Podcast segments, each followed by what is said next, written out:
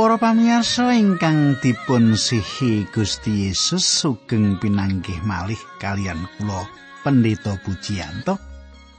Panjenengan wari sesarengan kalian kula wonten ing salebetipun adicara margi utami adicara ingkang sampun panjenengan antos-antos kados pundi pawartos panjenengan katang kula menapa panjenengan sae-sae kemawon pandonga kula panjenengan tansah binerkahan dening Gusti. Kados padatan kula badhe nderekaken panjenengan naliti kayektosan kayektosan ingkang kapratelaken wonten pangandikanipun Gusti. Monggo nyaket kula ing mriki sugeng midhangetaken adicara menika.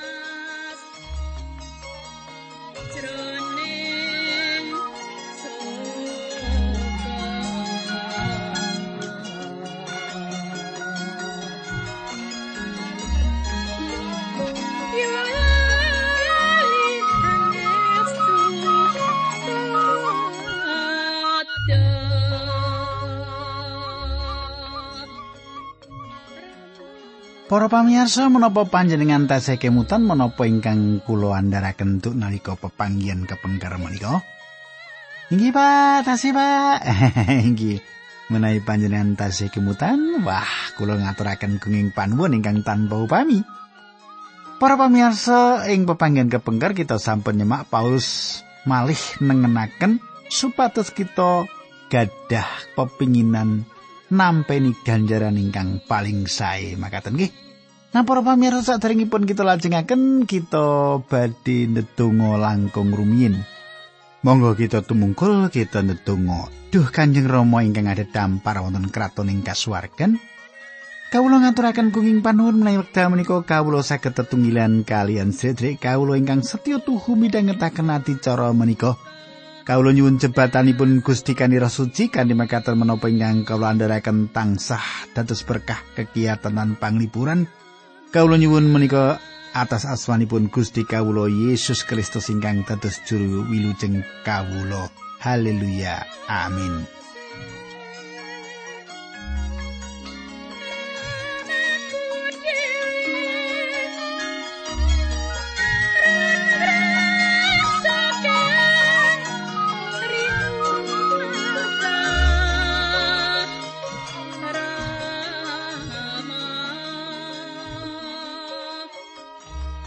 Para pamirsa, pasinon kita sampun lumebet ing kitab setunggal Korintus bab kang 11. Pasinon kita sampun lumebet kitab Korintus kang 11, kita sampun dumugi ing pasal ingkang dipun golongaken minangka pasal ingkang penting piyambak ing salebetipun kitab suci kita menika.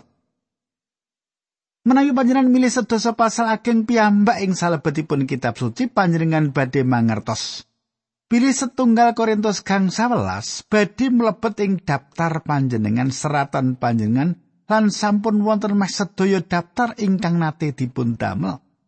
Pasal menika sanget dening penting kados makaten pentingipun ngantos saged nyukani jawaban para juru penyasar bidat ingkang kawitan ing salebetipun gereja ingkang nyelaki wungunipun Gusti Yesus secara kajasmanen. Para pamirsa ingkang dipun sihi Gusti. Ing salebetipun pasal menika Paulus mlebet ing kasukman. Mlebet ing kasukman ingkang agung ingkang kaping 3. Paulus mlebet ing kasukman ingkang agung ingkang kaping 3. Panjenengan tentu tasih kemutan pirembakan kawitan kegayutan perkawis kedagingan.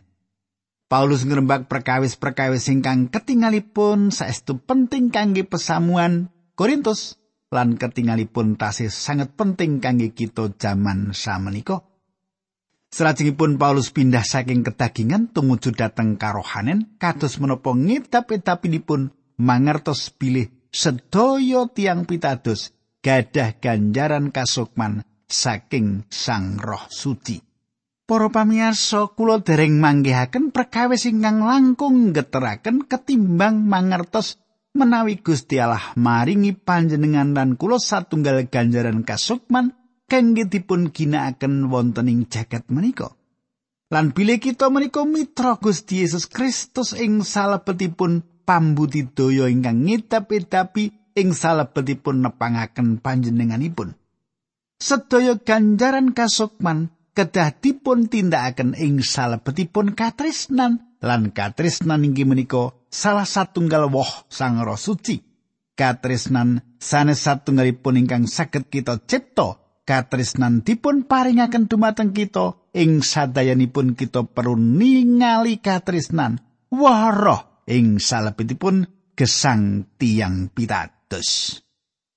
Para pamirsa ingkang dipun sihi Gusti Yesus Samenika kita lumebet ing salebetipun karohanan ageng ingkang kaping 3 inggih menika kasunyatan wungunipun Gusti Yesus Kristus lan wungunipun kita saking pecah. Kaluhuran iman Kristen inggih menika iman ingkang boten nate ningali gesang kapungkasi ing salebetipun pati. Iman Kristen tansah ningali langkung saking srengenge ingkang mletek lan ngantos sangsul utawi tansah ningali kalanggengan. Lan pengajeng-ajeng ingkang dipun tawakaken ngedapi-dapi ageng. Inggih menika bab sanes ingkang nyukani makna lan tujuan gesang. Kula gadah pengajeng-ajeng saged gesang langgeng. Kula mboten kesesa kepengin dateng mriku lan kula kepengin manggen ing gesang menika sak dangu-dangunipun. Awit kula gagas inggih menika papan kangge ngladosi. Manut kula inggih menika papan cecawis Manut kula upah dipun temtokaken dening menapa ingkang kita tindakaken ing mriki lan kula kepengin nyerat sawetawis patrap sae ing salebetipun kitab gesang kula. Inggih menika jalaranipun kenging menapa kula gadah kekajengan manggen wonten ing mriki lan ngladosi panjenenganipun sak dangu-dangunipun ngladosi panjenenganipun sak dangunipun panjenenganipun ngersakaken kula gesang. Kulo sami asring nyanyi lagu menapa wonten lintang ing makutha kula. Kula mboten malih mireng nyanyian menika dipun nyanyikaken malih king menapa awit tiang-tiang budidaya dados lintang ing mriki. Para mitra kula, kula badhe nampeni tetinggalan ingkang ngedapi-dapi ingkang dipun paringaken wungunipun Gusti Yesus Kristus dumateng tiang pitados. Kita kecalan tetinggalan ing wekdal mingkrat lan kita mikiraken perkawis-perkawis ingkang remeh. Perkawis menika nambahaken satunggal permasalahan atas sanesipun ing salebetipun gesang tiang-tiang Kristen ingkang misuwur. Para pamirsa, patangen ageng ing pasal menika sayektosipun kegayutan kalian Injil. Menika nedahaken bilih perangan ingkang paling penting saking Injil inggih menika wungunipun Gusti Yesus Kristus. Jujur kemawon tanpa patangen menika samukawis perkawis sanesipun malah setanipun Gusti Yesus dados mboten wonten tegesipun. Panjenenganipun dipun pasrahaken atas panerak-panerak kita lan dipun akan kangge kita kabeneraken menika manut Rom sekawan ayat selangkung. Ing salebetipun setanipun panjenenganipun ngicali dosa-dosa kita. Nanging salebetipun patangenipun panjenenganipun maringi kita kori ingkang mengo supados kita mlebet ing swarga. Kita wonten ing salebetipun kayektosanipun panjenenganipun dipun pasrahaken atas panerak-panerak kita nanging panjenenganipun dipun bungaaken kangge kita kabeneraken. Para pamirsa saderengipun mlebet ing pasal menika saenipun dipun sukani pangertosan lan dipun gambaraken kanthi cetha gegayutan leripun patangen. Patangen sanes prakawis rohani nanging gegayutan kalian kajasmanen Tembung menika inggih menika anastasis nekroun ingkang liripun ngadegipun mayit-mayit. Badan kita badhe kawungaken patangan ing salebetipun kitab suci tansah ngarah ing badan menika. Anastasis liripun ngadeg, histemi liripun adamel ngadeg, ana liripun ngadegipun badan tembung menika mboten saged dipun ginakaken kangge nyebat gegayutan patangin secara kasukman. Para pamirsa, kitab suci mucalaken patangen menika ateges ngadeg utawi jumeneng. Ing jaman Paulus, ing jagating Korintus lan Rom wonten tiga filsafat ingkang gegayutan kalian pecah lan gesang sasampunipun pecah wonten golongan stoisme ingkang mucalaken bilih nyawa dados setunggal kalian sifat Gusti ing salebetipun pati. Awit saking menika wonten pangrisaan ing kapribaden, wawasan kados makaten menika andadosaken patangen boten wonten ginanipun. Salajengipun golongan filsafat Epikurian ingkang asipat materialistik barang ingkang ketinggal. Filsafat menika mucalaken bilih boten wonten gesang sasampunipun pecah. Patinggi menika pungkasanipun gesang menika. Ingkang kaping tiga, inggih menika paham Plato ingkang mucalaken kekayutan jiwa ingkang langgeng ingkang mitados proses kados dene pindahan. Panjenengan tasih saged manggihaken wucalan paham Plato jaman samenika ing salebetipun agami-agami India lan aliran-aliran ing Amerika. Paham menika nyelaki tanginipun raga kanthi wontenipun filsafat-filsafat menika. Ing wedal Paulus nyebataken patangen wekdal piyambakipun wonten ing Athena, tiang-tiang gadah anggapan Paulus sawek meratelaken Allah ingkang enggal. Para pamirsa ingkang kula tresnani, kita kedah mangertos cetha pilih Paulus mboten ngrembak gegayutan patangen secara rohani. Nyawa menika mboten pecah, ing wedal badan menika pecah, nyawa menika kesah dateng satunggalipun papan.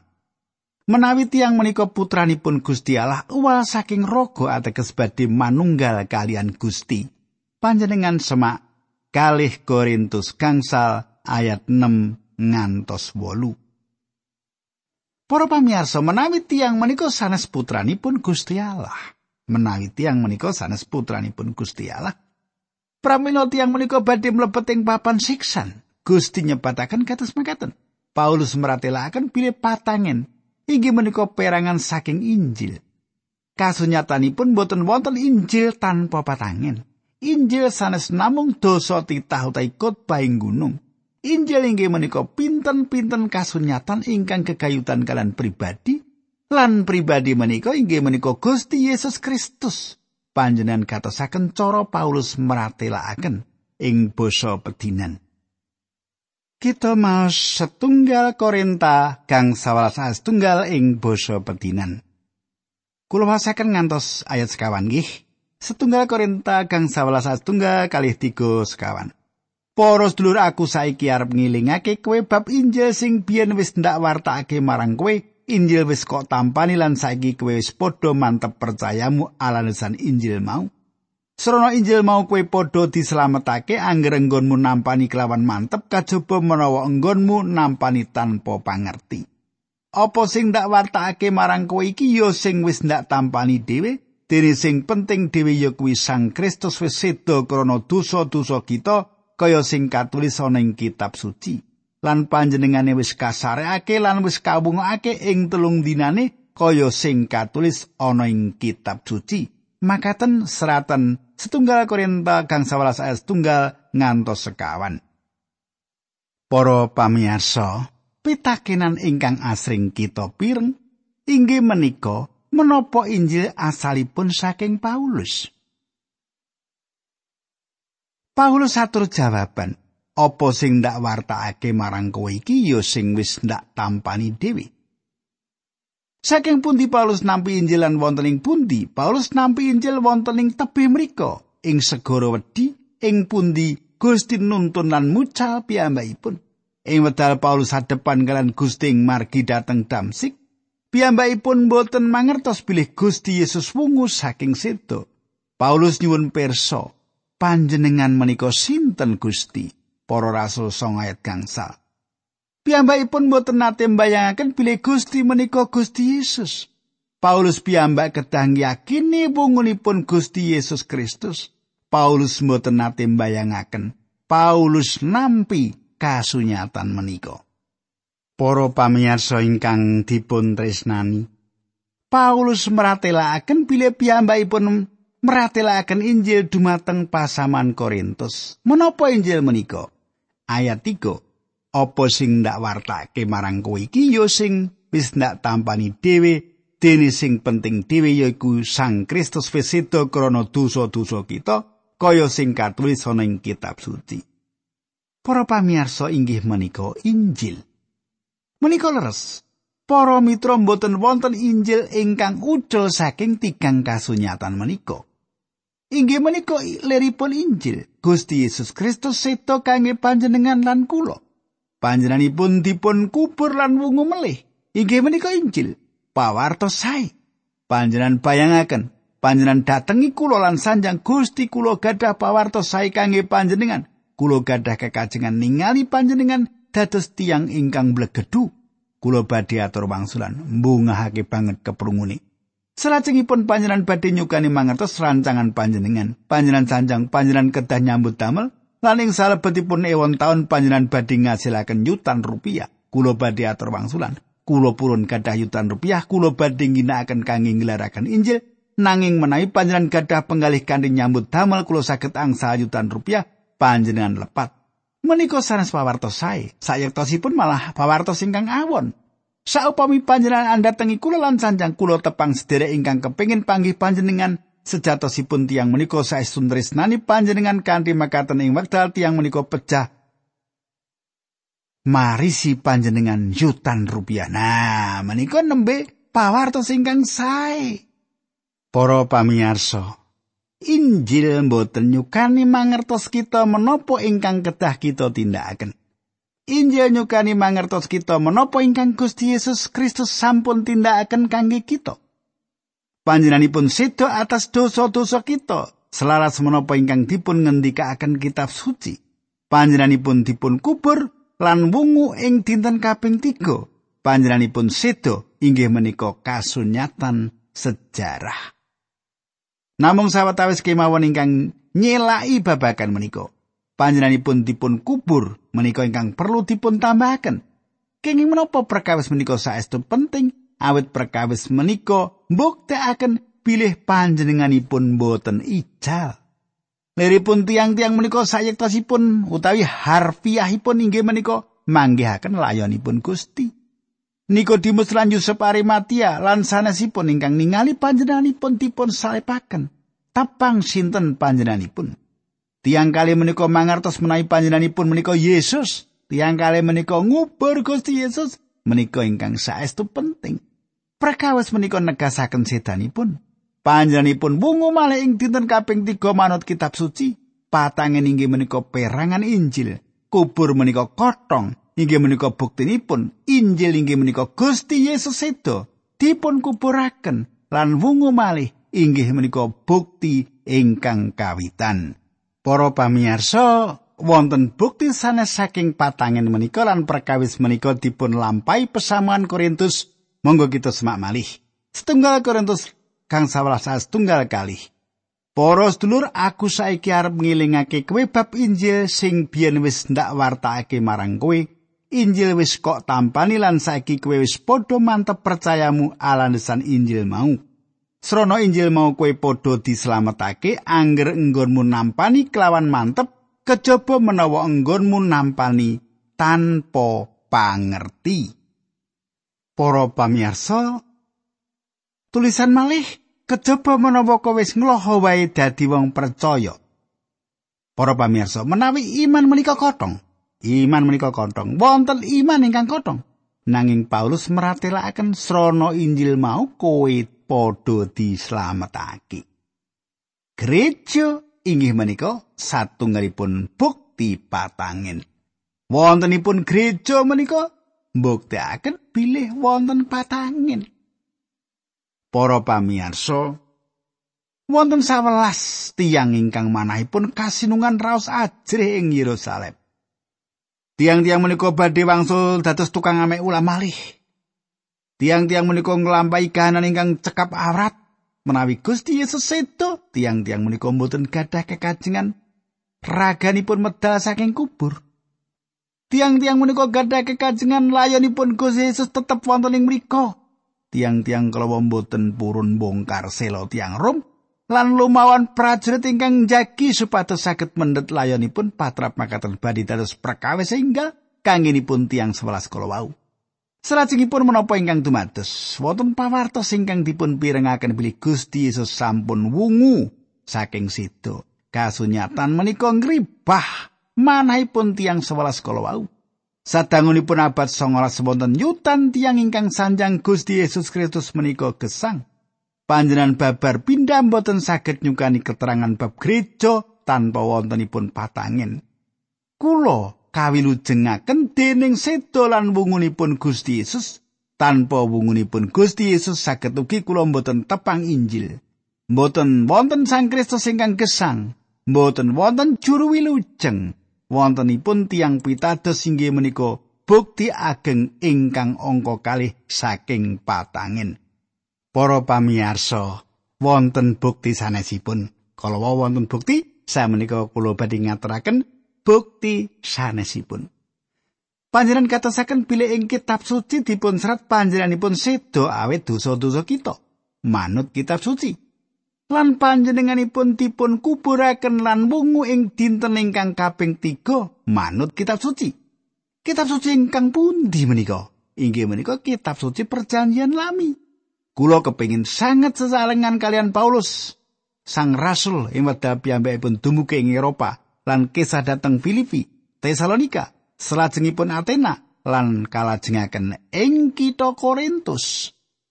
Para pamirsa kula mbayangaken wekdal Paulus dumugi ing sinagoge utawi pedalaman Allah lan nyebat-nyebat sedanipun Gusti Yesus.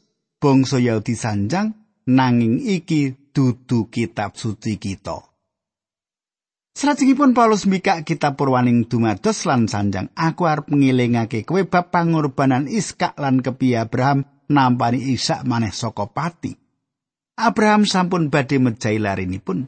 Gusti Allah mboten ngeman putranipun nanging malah kanthi sedanipun ingkang putra menika merdekaken kita sadaya. Salajengipun Paulus mlebet ing salebetipun pangorbanan Musa ngantos ing gangsal pisungsung ing salebetipun kitab kaimaman lan nedahaken dumateng tiang-tiang kados pundi caranipun gambaraken Sang Kristus. Salajengipun ngantos ing dinten panebusan lan kalih mendo ingkang gambaraken sedo lan wungunipun Sang Kristus. Paulus ugi nyebataken tekenipun Musa ingkang semi lan kitab Yunus ingkang nglambangaken patangen. Selajengipun Paulus mlebet ing Mazmur kalih likur lan 16. Paulus nedahaken Yesaya selangkung lan seketiko dumateng tiang-tiang. Nedahaken beli Gusti Yesus nandang tatu atas panerak-panerak kita lan geseng-geseng awit patrap lepat kita.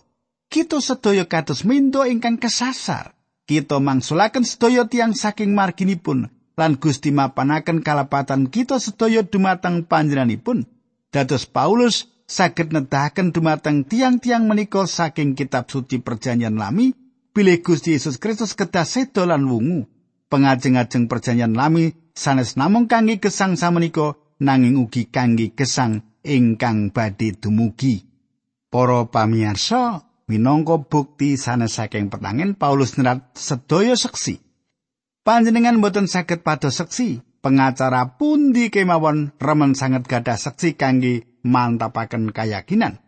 Tiang kathah ingkang dipun serat Paulus ing mriki dados bukti patangenipun Gusti. Para pamirsa samenika ayat gangsal. Setunggal Korinta kang 11 ayat gangsal lan panjenengane wis ngetingal marang Petrus sawise kuwi marang para rasule rolas. Para pamirsa ingkang kawitan Paulus nyebat Petrus. Sampun tentu ingkang dipun sebat menika inggih menika Simon Petrus. Inggih dumateng Simon Petrus menika Gusti Yesus ngatingalaken saliranipun secara pribadi. Panjenengan saged ugi kagungan pitakenan, menapa ingkang dumados? Menika sanes urusan kula. Lan kula gagas ugi sanes urusan panjenengan. Perkawis menika mboten dipun serat kangge kita. Gusti Yesus ngatingalaken saliranipun dumateng Petrus. Lan malih Petrus sampun nyelaki Gusti Yesus, Petrus kedah beresaken samukawis kalian Gusti. Selajengipun panjenenganipun ngetingalaken sariranipun dumateng kalih welas murid. Sinten kalih welas murid menika? Gusti ngatingalaken sariranipun dumateng Kefas secara pribadi. Selajengipun panjenenganipun ngetingalaken sariranipun dumateng sedaya murid. Yudas sampun pecah ing wedas maten nggih. Kalih welas dipun ginakaken minangka si istilah sesarengan kangge badan para murid menika namung meratelaken bilih kalih welas murid menika wonten. Menawi panjenengan manunggalaken para murid lan Paulus sugi dipun lebetaken, panjenengan badhe manggihaken kalih welas tiyang. Samenika cobi ayat 6. Banjur ngetingal uga marang para murid luwih saka wong 500 bebarengan wong-wong mau nganti seprene akeh sing isih padha urip salong ya wis padha mati. Para pamirsa Gusti Yesus ngatingalaken sariranipun dumateng gangsal atus tiyang sareng-sareng. Manut kula perkawis menika dumados nglangkungi seganten Galilea. Emut Bilih Gusti Yesus maringi pirsa dumateng para muridipun bilih panjenenganipun badhe manggi para murid menika wonten ing Galilea. Dados kula pitados bilih para pandherepipun ingkang setya menika kisah dhateng Galilea kangge manggi panjenenganipun wonten ing mriku. Samenika ayat pitu, wolu. Nggih ayat pitu wolu. Gusti Yesus mau uga ngetingal marang Yakobus banjur marang para rasul kabeh. Dene sing keri dhewe ngetingal marang aku senajan aku iki kaya dene bayi sing lair keluron. Para pamirsa, Gusti Yesus ngetingal marang Yakobus. Saged ugi ing mriki dumados takenan panjawaban pribadi. Gusti sepindah malih ngetingalaken saranipun dumateng sedaya rasul. Ingkang pungkasan, Gusti ngatingalaken saranipun dumateng Paulus. saestu angel lumawan tiang ingkang nate ningali panjenenganipun. Monggo kita tumungkul kita ndedonga. Duh Gusti Allah matur nuwun kawula sampun sinau kayektosan kayektosan bukti-bukti bilih paduka menika wungu saking sedo. Leripun keyakinan kawula samenika dipun kiyataken malih. Kawula nyuwun sepatus paduka berkahi istri pamirsa menika linambaran asmanipun Gusti Yesus Kristus. Kawula netunggal haleluya. Amin